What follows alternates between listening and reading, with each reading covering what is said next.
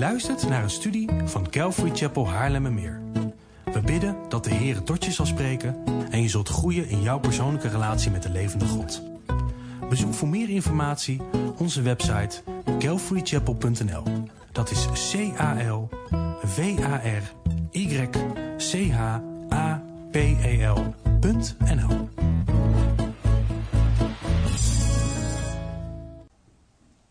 Wij gaan vanmorgen uh, verder met de preekserie Route 66. We zullen in vogelvlucht gaan kijken naar het Bijbelboek Nahum, uh, de zevende van de twaalf kleine profeten. En zoals bij een aantal andere kleine profeten is ook Nahum uh, voor de meeste christenen eigenlijk onbekend. En zoals met de andere minder bekende profeten hoop ik daar vanmorgen ook bij Nahum verandering in te brengen. En uh, de eerste stap is door de Bijbelboeken samen te noemen. Ja. Dus laten we beginnen met Genesis. Genesis, Exodus, Leviticus, Numeri, Deuteronomium, Jozua, Richteren, Rut, 1 Samuel, 2 Samuel, 1 Koningen, 2 Koningen, 1 Kronieken, 2 Kronieken, Ezra, Nehemia, Esther, Job, Psalmen, Spreuken, Prediker, Hooglied, Jesaja,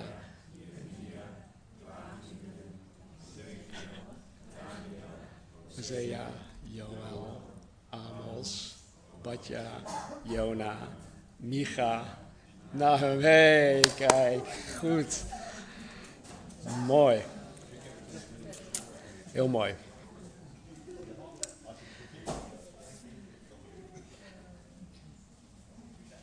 Ik blijf, wat ik nu ga zeggen, blijf ik gewoon tot aan het einde van het Oude Testament zeggen. En um, dat is dat wij, um, wanneer we de profeten lezen, raad ik jullie ook echt aan om wanneer, de, ja, wanneer dat we de, de, relevante passages ook gaan opzoeken. Um, in de in geel gekleurde boeken, want daar vinden de profetieën namelijk plaats, in al die boeken. Dus uh, daarbij krijg je ook de context en de achtergrond. En als je dat niet doet, dan blijf je eigenlijk in het duister tasten over waar de profeet het heeft. Uh, ook loop je het gevaar dat je bepaalde zaken uit zijn context haalt en uh, verkeerd toepast. Uh, dingen die op Israël van toepassing zijn, die ga je toepassen op de kerk. Dingen die op anderen van toepassing zijn, ga je toepassen op jezelf. En dat is niet wat God daarmee bedoeld heeft. Nou, Nahum heeft, geeft nergens aan um, welke koning in Israël of Juda aan de macht was in de tijd van zijn profetie. Dus op basis hiervan kunnen wij niet bepalen wanneer hij profeteerde.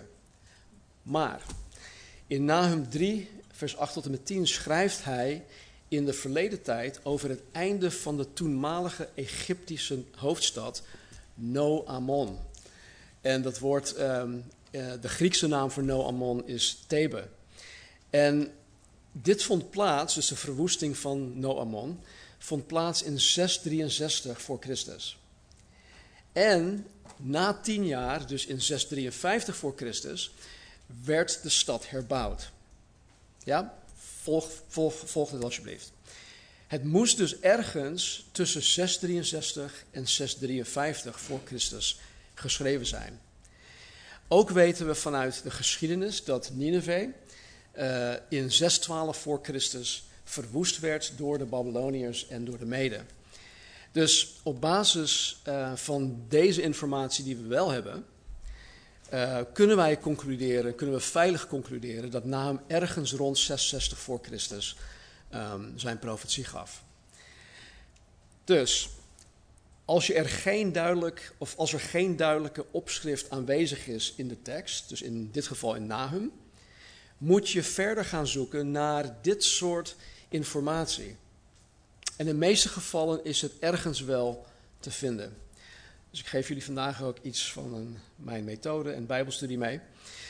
Maar goed, dit gezegd hebbend, om de, de context en de achtergrond uh, te kunnen krijgen, zou je dan moeten nagaan welke koningen van Israël, uh, Israël sorry, en Juda aan de macht waren in die periode. En dus ja, voor de serieuze Bijbelstudenten onder ons, Uh, Mark. ik, noem, ik noem elke keer Mark, hij is elke keer een pineut. Uh, de serieuze Bijbelstudenten onder ons. om, het woord, om het woord van God recht te kunnen snijden, gaat het je echt tijd en energie kosten. Je komt daar niet onderuit. Maar gelukkig zijn er hulpmiddelen, er zijn naslagwerken, geschreven door godvrezende Bijbelleraren die ons voor zijn gegaan. Uh, die kunnen wij allemaal raadplegen. Ik maak er uh, dankbaar gebruik van uh, als ik er zelf niet uitkom of als ik gewoon wat verheldering nodig heb. Nou, ik zal jullie, ik zal jullie vanmorgen gratis meegeven dat zijn profetie tijdens het bewind van koning Hiskia en koning Josia plaatsvond, wat te lezen is in twee koningen en twee kronieken. En ook waren uh, Sefania, um, die we over twee weken gaan behandelen, en Jeremia, die we al behandeld hebben, dat waren zijn tijdgenoten. Trouwens, uh, de slides die ik laat zien, die komen ook op de website te staan. Dus als je nu naast aan het schrijven bent, um, dat hoeft niet per se. Mag. je kan mij ook gewoon vragen of ik de slides naar je toe wil sturen, dat kan ook. Wat je wil. Alles mag. Nahum. Zijn naam betekent troost of trooster. Hij kwam uit een onbekende plaats die Elkos heette. Dat staat in vers 1 van hoofdstuk 1. En dit is het enige dat van deze Nahum bekend is. De last, en dan staat er ook um, uh, in, in, in de eerste vers, de last van Nineveh, het boek van het visioen van Nahum uit Elkos. That's it. Maar ondanks dat we heel weinig, of eigenlijk alleen maar dit van hem weten, was hij een ware profeet van Yahweh, van de Here. Want in vers 1 staat er de last van Nineveh. De last dat hier genoemd wordt, is niets minder dan een woord van God dat de profeet als een last is opgelegd, en in dit geval door middel van een visioen. Uh, laatst hadden we het over het verschil tussen een droom en een visioen. Een droom is iets dat je van God kan krijgen, niet, hoeft niet per se, maar een droom is iets wat je zou kunnen ontvangen als je aan het slapen bent. Dat is een droom. Een visioen is iets wat God aan je kan geven terwijl je nog wakker bent. En dan word je als het ware in je geest naar het geestelijke gebracht. Dus dat is wat um, um, Nahum ook kreeg van God. Nahum, of God uh, had Nahum de profetie gegeven. En hij moest het van God als een last dragen. Maar hij moest het ook gaan verkondigen. Nou, wat erg opvallend is in dit boek is dat de profetie tegen Nineveh ook bedoeld is om Juda troost te bieden. En dus aan de ene kant is het alleen maar een onheilsdreiging richting Nineveh. Maar juist dat biedt ook troost aan Juda want God belooft ermee dat hij Israëls tegenstander uit de weg gaat ruimen. En hoe heerlijk zou dat geweest zijn voor Israël in die tijd. Dus alhoewel Nahum, trooster, een boodschap van onheilsdreiging en oordeel predikt tegen Nineveh, tegen de Assyriërs, troost hij Juda met dezelfde boodschap. Het snijdt aan twee kanten. Nou, we zouden Nahum in grote lijnen uh, in drieën kunnen indelen. In hoofdstuk 1 zien we uh, een aantal kar karaktereigenschappen van God. Uh, we zien ook dat het oordeel van God over Nineveh gewoon vaststaat. Het is klaar. Dit gaat gebeuren, dat staat er. In hoofdstuk 2 wordt God, Gods oordeel over Nineveh tot in, tot in elk detail omschreven. En in hoofdstuk 3 zien we dat Gods oordeel over Nineveh geheel juist en gerechtvaardigd is. Het is niet dat hij zomaar um, um, willekeurig iets, iets doet. Het is gerechtvaardigd. Nou, in hoofdstuk 1, na de opschrift wat we net gelezen hebben, krijgen wij in, de, in, in, in poëtische taal en in beeldspraak een beschrijving van de almachtige en de soevereine God van de Bijbel. Uh, laten we lezen vanaf vers 2, 2 tot met 8. Een naijverig God en een wreker is de Heere. Een wreker is de Heere en zeer grimmig. Een wreker is de Heer voor zijn tegenstanders en hij handhaaft zijn toorn jegens zijn vijanden. De Heer is geduldig, maar groot van kracht en hij houdt de schuldige zeker niet voor onschuldig. De weg van de Heer is in wervelwind en in storm. Wolken zijn het stof van zijn voeten. Hij bestraft de zee en maakt die droog. Al de rivieren laat hij verdrogen. Bazan, wat vruchtbaar landbouwgrond betekent, en Karmel, wat fruitboomgaard betekent, die zijn verwelkt. De bloesem van Libanon is verwelkt. De bergen beven voor hem, de heuvels smelten weg. De aarde rijst op voor zijn aangezicht, de wereld met al zijn bewoners. Wie kan stand houden voor zijn gramschap? Wie kan te midden van zijn brandende toorn opstaan? Zijn grimmigheid is uitgegoten als vuur. De rotsen worden door hem stuk gebroken. De Heere is goed. Hij is tot een vesting op de dag van de benauwdheid. Hij kent hen die tot hem hun toevlucht nemen. En door een overstromende vloed zal hij een vernietigend einde maken aan zijn plaats. En duisternis achtervolgt zijn vijanden tot zover. Ik ga hier alleen een aantal dingen uitplukken, dus we gaan het niet vers voor vers behandelen. Dat komt misschien een andere keer, mocht de Heer nog niet terugkomen. In vers, 2, in vers 2 sorry, staat dat de Heer een naijverig God is. In sommige vertalingen, en vooral in de Engelstalige vertalingen, staat dat hij een jaloers God is. Hij is jaloers. Nu moeten we heel goed begrijpen dat het woord naijverig of jaloers niet bedoeld wordt zoals het um, onder mensen gebruikt wordt. In de grondtekst wordt dit woord alleen aan God toegekend. En de reden is omdat hij niet jaloers is of wordt zoals mensen vaak jaloers zijn of worden. En zoals de broers van Jozef in Genesis jaloers op hem waren, is het mens eigen om uh, jaloers te zijn op anderen. Dat is nou eenmaal een gegeven, het is nou eenmaal zo. Het zij dat je jaloers bent op je broer of zus of op je broertje of zusje. Het zij dat je jaloers bent op um, misschien een andere voorganger of een andere kerk of een andere bediening. Uh, het zij dat je jaloers bent op een auto.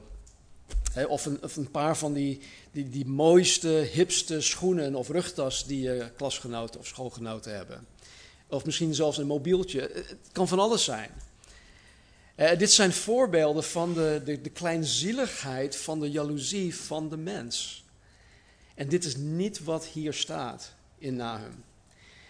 De jaloezie of naijver van God heeft puur te maken met het feit dat Hij, God, geen andere goden voor zijn aangezicht kan tolereren. Aan Hem en aan Hem alleen komt de eerste plaats in ons leven toe. En hij laat zich op die manier ook gelden.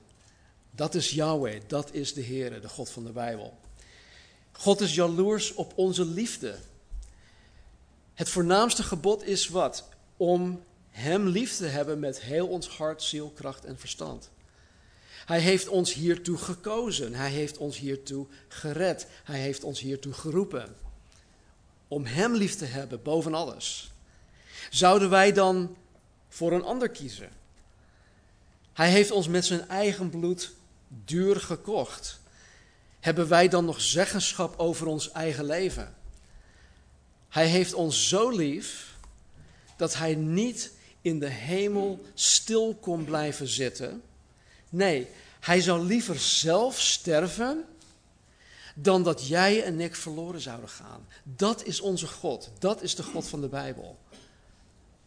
En daarom kan die jaloerse God het niet verdragen dat maar ook iets tussen onze liefde en hartstocht en Hem in komt te staan. En God is niet jaloers om, omdat Hij er zogenaamd beter van wordt. Nee, het gaat er bij God om dat wij er beter van worden. God heeft hiermee altijd het allerbeste voor ons voor ogen. In Exodus 34, 14 staat dat wij geen andere goden of God mogen aanbidden, want de naam van de Heere is immers de naijverige of de jaloerse. Een naijverige God is hij, staat er. Jullie weten het vast wel. In Johannes hoofdstuk 14, vers 6 zegt Jezus over zichzelf: Ik ben de weg, de waarheid en het leven. Niemand komt tot God de Vader dan alleen door mij. Dat is een punt-uit statement. Er zijn geen meerdere wegen mogelijk. Het is niet zo dat alle wegen leiden tot de hemel en tot God. Alle, eh, Allah, noem maar op, al die andere goden, allemaal één en dezelfde. Nee. Er is maar één weg en er is maar één God. Jezus die God is, is die enige weg. En God zal jou en mij niet met een andere afgod delen. Jullie die getrouwd zijn. Stel, nou Marnie is er nu niet, ik gebruik haar altijd als voorbeeld. Maar stel, ik ben ergens op mijn werk en ehm, er is een vrouw die zegt van, hé, hey, ik, uh, ik zie je wel zitten. Dus ik vertel het aan Marnie. Hé hey Marnie, was een vrouw die zei van, joh, ik zie je wel zitten. Oh, oké. Ja, en uh, ze had me gevraagd of ik een uh, kopje koffie met haar wilde drinken. Oh. Ja, en ik heb ook ja gezegd. Ik heb ja gezegd ook. Nou, dat gaat gewoon niet. Zij hoort mij niet met haar te delen. En zo hoort God ons ook niet met andere afgoden te delen. Dit is een slecht voorbeeld, denk ik. Het gaat niet helemaal op, maar jullie begrijpen denk ik wel wat, wat ik en wat God, denk ik, hiermee bedoelt. En in dit opzicht is God gewoon jaloers. En de Heer is tegelijkertijd ook een wreker. Tot drie keer toeschrijft na hem dit. En zoals bij het woord jaloers moeten wij ook dit niet in menselijke begrippen gaan zien. God is volmaakt. Ook weer zo'n punt uitstatement. Hij is voor 100% rechtvaardig. Hij is voor 100% goed. Hij is voor 100% betrouwbaar en ga zo maar door. En wanneer God zich wreekt, dan is het niet een kwestie van wraak of vergelding zoals het bij de mens is. Nee, God wreekt rechtvaardig. Bij de mens is het zo dat als jij mij iets aandoet, dan pak ik je terug. En nog goed ook. Dat zou ik nooit doen hoor, maar jullie snappen wat ik bedoel. En bij God is dat totaal anders. God is niet zo. God is de schepper van de mens. Wij zijn de kroon van de schepping. En wanneer de mens Gods volmaakt morele wet willens en wetens overtreedt en blijft overtreden, door onder andere gruweldaden tegen de mensheid te plegen, dan is, zijn, dan is het zijn goed recht om zich tegen deze misdadigers te wreken. In vers 3 staat dat God de schuldige zeker niet voor onschuldig zal houden. Dit is recht. Dit is rechtvaardig. En God is gerechtvaardigd in zijn wraak. Vandaar dat hij hier de wreker genoemd wordt. Tegelijkertijd is God ook geduldig, vers 3, en goed, vers 7. In vers 7 staat: De Heere is goed. Hij is tot een vesting op de dag van benauwdheid. Hij kent hen die tot hem hun toevlucht nemen. God is goed. En mensen die in nood zijn, kunnen altijd bij hem terecht. Zelfs mensen die niet in nood zijn, kunnen altijd bij hem terecht. Hij kent hen. Hij kent hen die hun toevlucht in hem nemen. Dat wil zeggen dat hij een, een persoonlijke relatie met degene heeft die tot hem hun toevlucht nemen. Het is absoluut niet zo dat God een boze God is die zijn emoties niet onder controle heeft of dat hij geen zelfbeheersing heeft. Nee, God is goed. God is rechtvaardig. En hij is heel erg geduldig. Eeuwenlang heeft hij geduld getoond aan de Assyriërs. Eeuwenlang, honderden jaren lang. Hoe, gaat het met, hoe zit het met jullie geduld? God is rechtvaardig. En ik vroeg me dit zelf ook af, dit moet je jezelf ook denk ik afvragen. Bij wie of wat zoek jij jouw toevlucht? Bij wie of wat zoek jij u jouw toevlucht? Is het alcohol? Is het um, misschien uh, blowen of een of ander uh, of een ander verdovend middel? Is het misschien online shopping? Amazon, bol.com. Is het gokken? Is het pornografie? Is het een losbandig leven leiden? Je gaat van de een naar de ander. Of van de een op de ander. Misschien is het wel feesten. Misschien is het bijval zoeken bij mensen die medelijden met je hebben. Is het misschien zoveel mogelijk mensen aan jouw kant krijgen? Weet je, gaan zo maar door. Er zijn zoveel dingen waar wij ons op kunnen richten om onze toevlucht te zoeken. En God wil juist degene zijn waar wij naartoe rennen. God die liefde is, die goed is, die zuiver en alleen het allerbeste met jou voor heeft, wil jouw toevlucht zijn. God die het alleenrecht op jouw leven heeft, wil jou niet uh, tegen je wil in claimen. Dat doet hij niet. Maar hij wil wel dat hij jouw toevlucht is en dat jij er vrijwillig voor kiest. Dus waar kies je voor? Wie of wat is jouw toevlucht? Als jij jouw toevlucht in andere dingen of in andere mensen zoekt, die jou sowieso niet kunnen bevredigen in het diepst van je wezen, maar die jou eigenlijk alleen maar dieper in de zooi kunnen brengen, die van jouw leven een nog groter puinhoop kunnen maken, maak het besluit nu om je daarvan te bekeren en maak Hem je toevlucht. Het is het niet waard om koppig en eigenwijs te blijven. Hij is een vesting, een vaste burcht wanneer je leven een puinhoop is. Hij is dat ook als je leven niet een puinhoop is. Hij heeft de antwoorden die je zoekt. Dit is de God van de Bijbel. Vers 9 tot en met 15. Um, daarin heeft God een aantal dingen bepaald. En we gaan niet naar alle versen kijken. Ik kies er maar een paar um, uit deze versen. In uh, vers 9 aan het begin staat: Wat u ook bedenkt tegen de Heere. Hij heeft het hier tegen Nineveh. Hij zelf maakt er een vernietigend einde aan. Omdat zij vervlochten zijn, vers 10, als dorens en dronken als dronkaard, zullen zij volledig verteerd worden als dorre stoppels.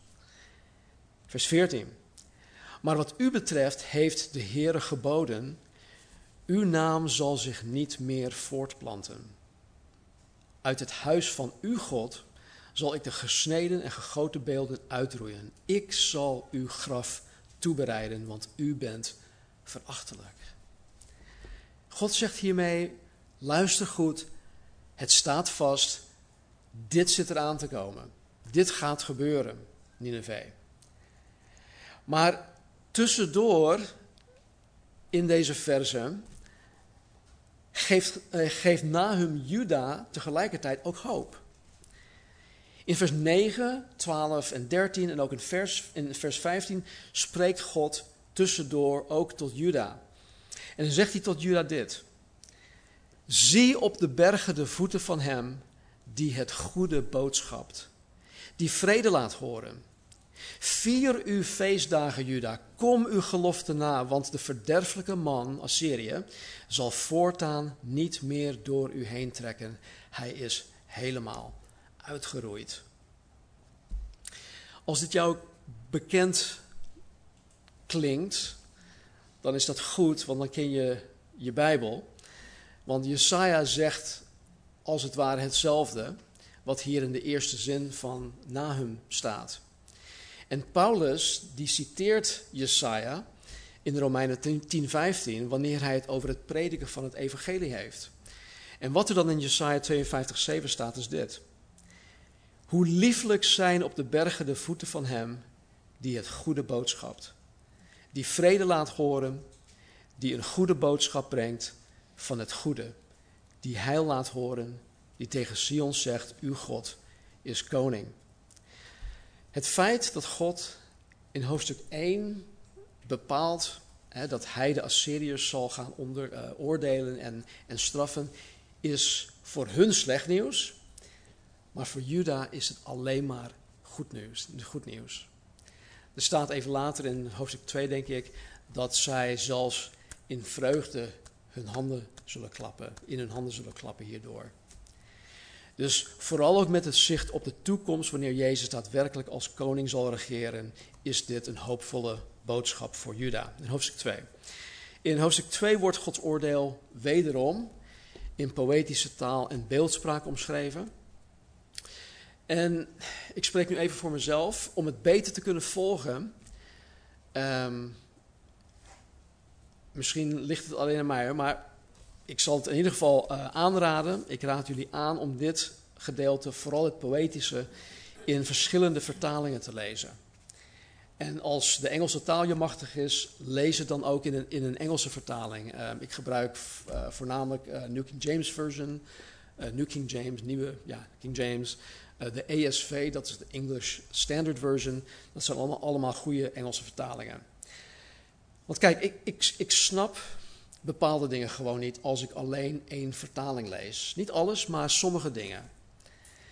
En zonder de grondtekst in te duiken is het voor mij dus handig wanneer ik meerdere Bijbels open heb staan, of het is op een beeldscherm of het is op, op, mijn, op mijn bureau. Um, bijvoorbeeld vers 13 in hoofdstuk 2. Ik, ik heb het niet uh, op, op, op, de, op de slide. Maar hoofdstuk 2, vers 13 begint met deze woorden. Zie, ik zal u, spreekt de Heer van de legermachten. Ik zal u, lijkt mij op een onvolledige zin. Misschien is dat omdat ik niet in, een, in de Nederlandse taal hier in Nederland geschoold ben, of, of wat dan ook. Ik ben Engelstalig opgevoed. Maar het eerste wat ik dan, dan denk is: oké, ik zal u wat? Waar heb je het over? Maar goed, in andere vertalingen staat het voor mij dan iets duidelijker. Want in het boek bijvoorbeeld staat: Nu keer ik mij tegen u, zegt de Heer van de hemelse legers. In de grondtekst staat het trouwens ook zo: Ik ben tegen u. Dus um, ik zal u, dat is mij vreemd. Uh, goed, als, als dat iets echt goed Nederlands is, ja. Het doet me eigenlijk denken aan, aan, uh, aan iets dat mijn moeder vroeger tegen me zei. Ik zal je. Is, is, ja, is dat het? Oké, oké, nu snap ik het. Oké. oké. Nee, oké, nu snap ik het. Ik zal u, oké. Ja. Wauw, weer, weer, weer, weer nieuws geleerd. Um, God zegt hier in dit gedeelte en ook in 3.5 dat hij dus tegen de Assyriërs is. God is tegen zijn vijanden. En als God tegen je is, dan is het voor jou gewoon einde oefening. En dat probeert hij aan de Ninevieten ook duidelijk te maken. En weet je, begrijp me niet verkeerd en, en hard dit ook zal gaan klinken. God is tegen een ieder die zijn of haar leven nog niet aan Jezus Christus heeft overgegeven. Daarentegen zegt God tegen mij als wedergeboren christen, als God voor jou is, of als God voor ons is, wie zal tegen ons zijn? En dit is compleet anders. God tegen je, God voor je. Het voor of tegen je zijn is een kwestie van leven of dood. Het is een kwestie van eeuwig leven of eeuwige dood. En als de God van de Bijbel voor mij is, dan is er niets en niemand die tegen mij kan zijn. Punt uit. Dat wil nog niet zeggen dat ik als weggebruiker me nog kan, dat ik me niet meer hoef te ergeren aan mensen. Het wil nog niet zeggen dat ik, oh, wanneer ik aan het boodschap aan het doen ben.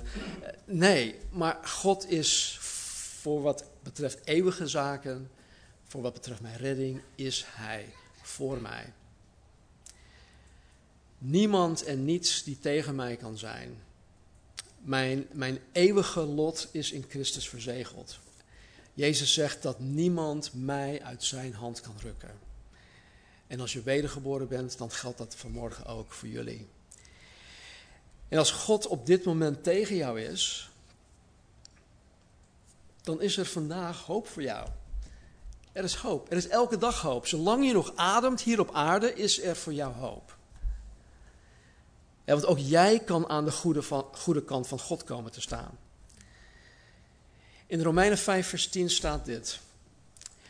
Want als wij, hij spreekt hier tegen de christenen in Rome, want als wij als christenen, toen wij vijanden waren, met God verzoend zijn door de dood van zijn zoon, hoeveel te meer zullen wij, nu wij verzoend zijn, behouden worden door zijn leven.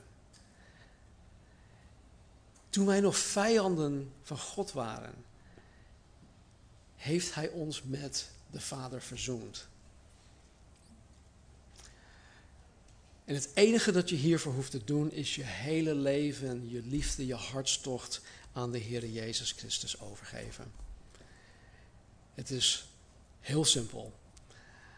Zoals je je ja-woord tegen je echtgenoot hebt gezegd, zou je ook je ja-woord tegen de bruidegom kunnen zeggen. Hoofdstuk 3 wordt Gods, uh, in, hoofdstuk 3 sorry, wordt Gods oordeel gerechtvaardigd.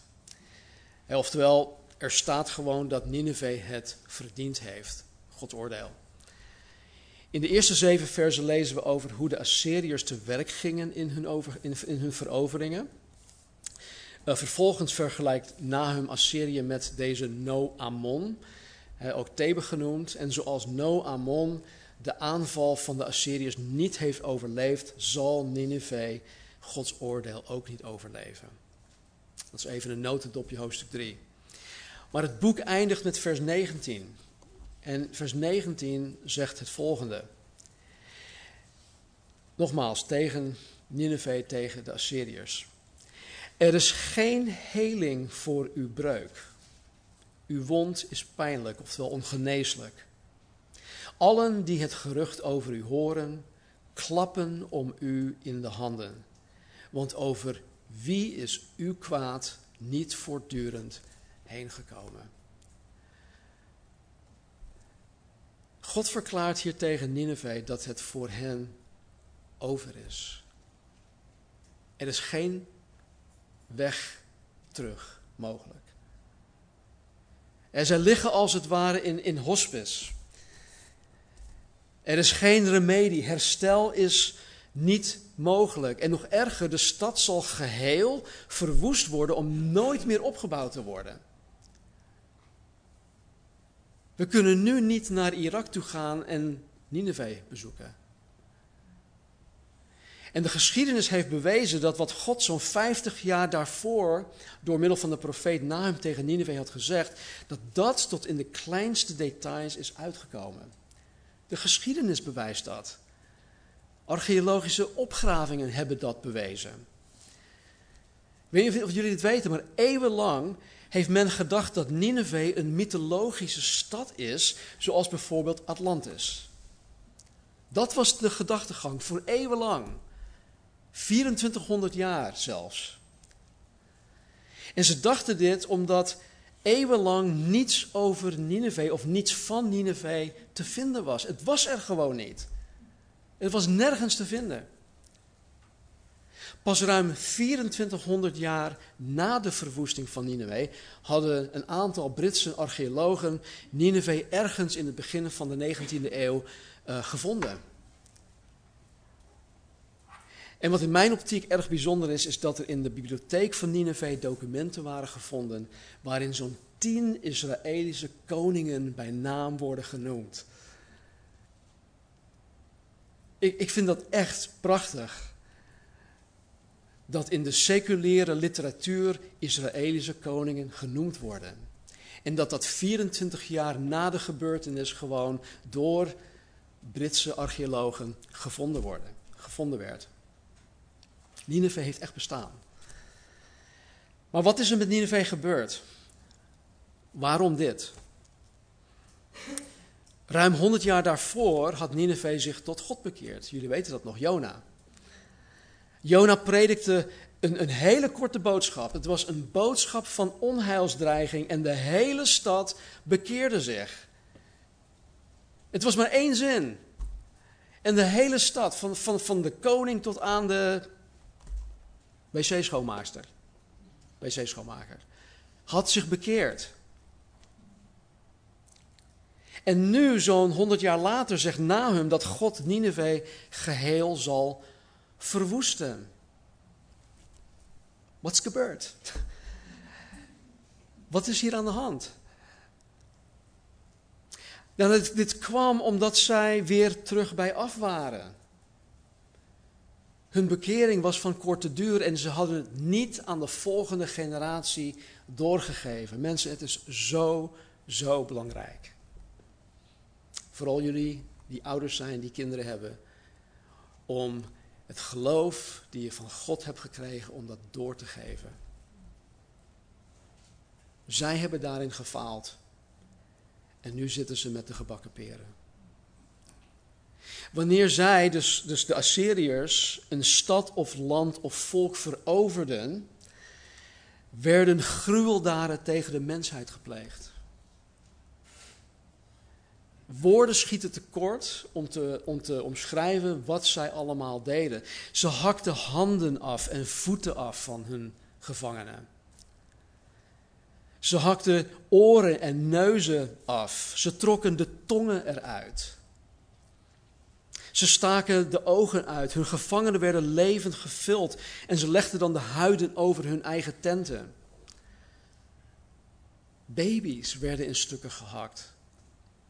Bij zwangere vrouwen werden hun buiken opengesneden.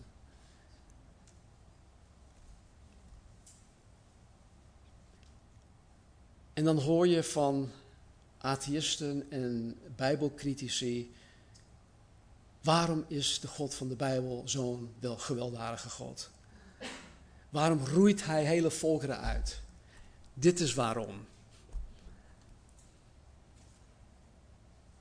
En wat ik net zei, woorden schieten echt tekort om de wreedheid van de Assyriërs te omschrijven. En dit was dan ook de reden waarom God Jona honderd jaar daarvoor al, al op hen afstuurde. En nu, zo'n honderd jaar later, was het weer gewoon business as usual. Hun bekering was van korte duur. En dus na honderden jaren lang, eeuwenlang geduldig met de Assyriërs te zijn geweest, was God er op dit moment in de vertelling gewoon klaar mee. Het was over. En de les die wij hieruit kunnen halen, geloof ik, is dat God goed is. God is goed. Hij is geduldig. Hij is een vesting en een vaste burcht voor degenen die bij hem willen schuilen. Hij wil een persoonlijke God voor ons zijn en dat heeft hij mogelijk gemaakt door zijn eigen zoon Jezus Christus voor ons op te offeren aan het kruis. Er is nog meer. In de gelaten brief laat Paulus ons een geestelijke wet zien, een geestelijk principe. Uh, gelaten hoofdstuk 6, vers 7 en 8.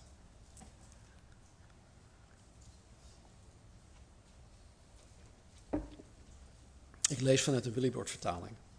Maak u niets wijs. God laat niet met zich spotten. Wat een mens zaait, zal hij ook oogsten. Wie zaait op de akker van zijn zondige natuur, zal van die natuur verderf oogsten. Wie zaait op de akker van de geest, zal van de geest eeuwig leven oogsten. Tot zover. Kijk, dit geldt voor een ieder die voor zichzelf blijft leven en daardoor zich tegen God verzet. Als je nog niet wedergeboren bent en je blijft je eigen ding doen, dan zal je met de consequenties moeten leven. Kijk maar naar Nineveh. Ik ken genoeg mensen die op dit moment in hun leven verderf oogsten, omdat zij hun eigen hartstocht en eigen, niet, niet eens eigen wijsheid, maar hun eigen dwaasheid hebben nagevolgd, waardoor zij per definitie God hebben verworpen. En als ik me daar al, als ik daar al verdrietig van word, wat denk je dan niet van God? Ik geloof dat dit ook tot op zekere hoogte voor mij kan gelden. Ik ben nog steeds in mijn oude natuur in staat om op de akker van mijn zondige natuur te zaaien. Ik draag die oude natuur nog steeds met me mee. Zoals Paulus dat in Romeinen 7 ook uitlegt. En wanneer ik dat doe, dan zal ik, um, ja, dan zal ook ik een mate van verderf in mijn leven oosten. Ik zal mijn redding niet kwijtraken. Ik zal ook niet van God af, uh, weggaan, maar ik zal wel met de consequenties gaan uh, zitten. Als ik bijvoorbeeld God en zijn woord niet gehoorzaam. God spreekt tot mij, ik weet het en willens en wetens gehoorzaam ik God niet, dan is het logisch en het is ook juist dat ik met de gevolgen te maken zal krijgen. Het is juist, het is gerechtvaardigd. Paulus schrijft bijvoorbeeld dat ik iedereen moet vergeven zoals God mij vergeven heeft. Toch? Volgens mij schrijft hij dat tot twee of drie keer toe. Als ik niet tegen iemand vergevingsgezind ben, als ik iemand in mijn hart weiger te vergeven, ik kan het misschien wel met woorden zeggen, maar als ik iemand niet in mijn hart uh, wil vergeven, als ik hem, hem of haar weiger te vergeven, dan zijn de consequenties daarvan dat ik mezelf beroof van de rust en de vrede en de vreugde die God voor me heeft.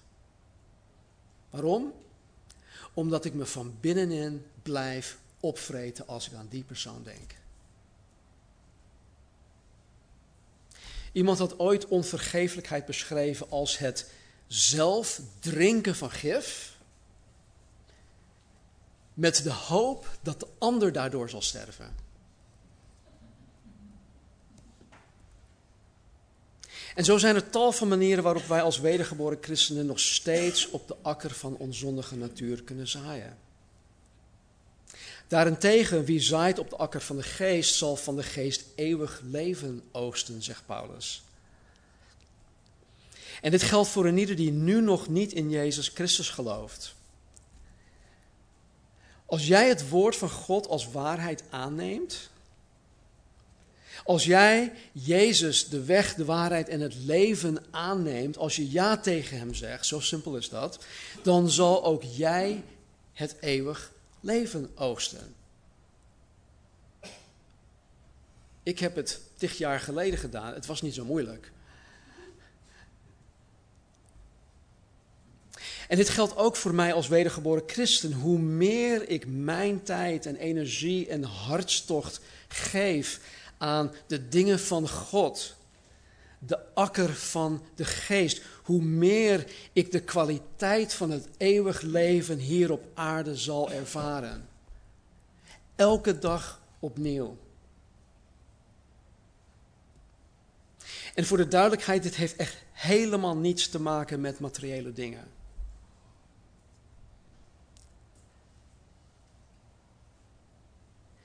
Ik had gisteren wat verschrikkelijk nieuws gekregen, waardoor ik um, nogal ontdaan was. Um, het is nu nog niet weg, maar weet je, ondanks dat weet ik en ik ervaar ook gewoon het eeuwig leven. Nu. Ik heb met Casper en nog iemand anders iets gedeeld, niet details, maar gewoon dat ik het nu zo ervaar. En het eerste wat ze deden is ze gingen voor me bidden. Dat is eeuwig leven. De kwaliteit van het eeuwig leven aan deze kant van de eeuwigheid. Dat, dat verspeel ik wanneer ik op de akker van mijn oude zondige natuur zaai. En ik krijg het en ik ervaar het wanneer ik op de akker van de geest zaai. God zei twee keer dat hij tegen de Assyriërs is. Niemand zou willen dat God tegen je is. Want het gevolg is fataal. En daarom heeft God ons Jezus Christus gegeven, zodat niemand God tegen zich hoeft te hebben. Het is helemaal niet nodig. In Spreuken 26 um, staat dit: Zoals een hond terugkeert naar zijn braaksel, zo is een dwaas die in zijn dwaasheid terugvalt. Dit is wat de Assyriërs deden. Wees alsjeblieft geen Assyriër. Jullie die meekijken, wees alsjeblieft geen Assyriër. God laat echt niet met zich spotten. En tot slot dit. Als God voor ons is, wie zal tegen ons zijn? Plaats jezelf aan de juiste kant van God. Plaats jezelf aan de juiste kant van God. En laat Hem voor jou zijn. Jezus zei: Wie niet voor mij is, is tegen mij. Wees geen Assyriër en wees voor Hem. Laten we bidden. Hemelse Vader, dank u wel voor uw uw goedheid, uw geduld, uw trouw. Dank u wel dat u een vaste burcht bent voor ons. Wij die ons toevlucht zoeken in u. Dank u wel, Heer, dat we te allen tijden bij u mogen aankloppen. Dat uw deur altijd open staat. Dat het licht altijd aanstaat dat u 24-7 gewoon paraat bent om ons te dienen. Dank u wel, Heer, dat u genadig bent.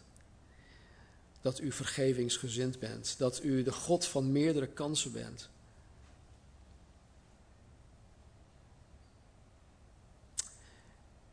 En heren, waar wij gezaaid hebben op de akker van ons zondige natuur, vergeef het ons alstublieft. Vergeef het ons en, en help ons om ons daarvan te bekeren. Schenk ons bekering alstublieft. Help ons, Heer. Vergeef ons ook waar wij onze toevlucht hebben gezocht in andere dingen of mensen. U wil dat voor ons zijn. U bent een jaloers God. U en u alleen, Heer heeft het alleen recht op mijn leven, op ons leven. Wij zijn duur gekocht. Heer, laat die waarheid tot ons doordringen. En laat het een respons in ons opwekken. Een respons van gehoorzaamheid. Een respons van u liefhebben, want u heeft ons eerst lief gehad. Dank u wel dat u, die in ons een goed werk begonnen is, het tot, het, zal, uh, het tot zal brengen. Tot op de dag van Jezus Christus. Dank u wel, Heer, dat u geen half werk doet, maar dat u uw werk afmaakt. En dank u wel dat u vandaag ook een werk uh, aan het doen bent in ons en onder ons. Help ons, Heer. Hebben u nodig. In Jezus' naam. Amen. Um, gaan wij nog zingen? Oh, André is, André daar. We gaan zingen. Nou, zodra André naar voren komt. André heeft meerdere taken vandaag. Hij was voor de mensen aan het vertalen. Dankjewel, André. Um, ik zou zeggen, terwijl er gezongen wordt, uh, als je wil dat er met je voor je gebeden wordt, dan zullen er wat mensen staan aan de achterkant, achterkant van de zaal. Maak er gebruik van. En dan uh, zal ik zo meteen nog terugkomen om de dienst af te sluiten.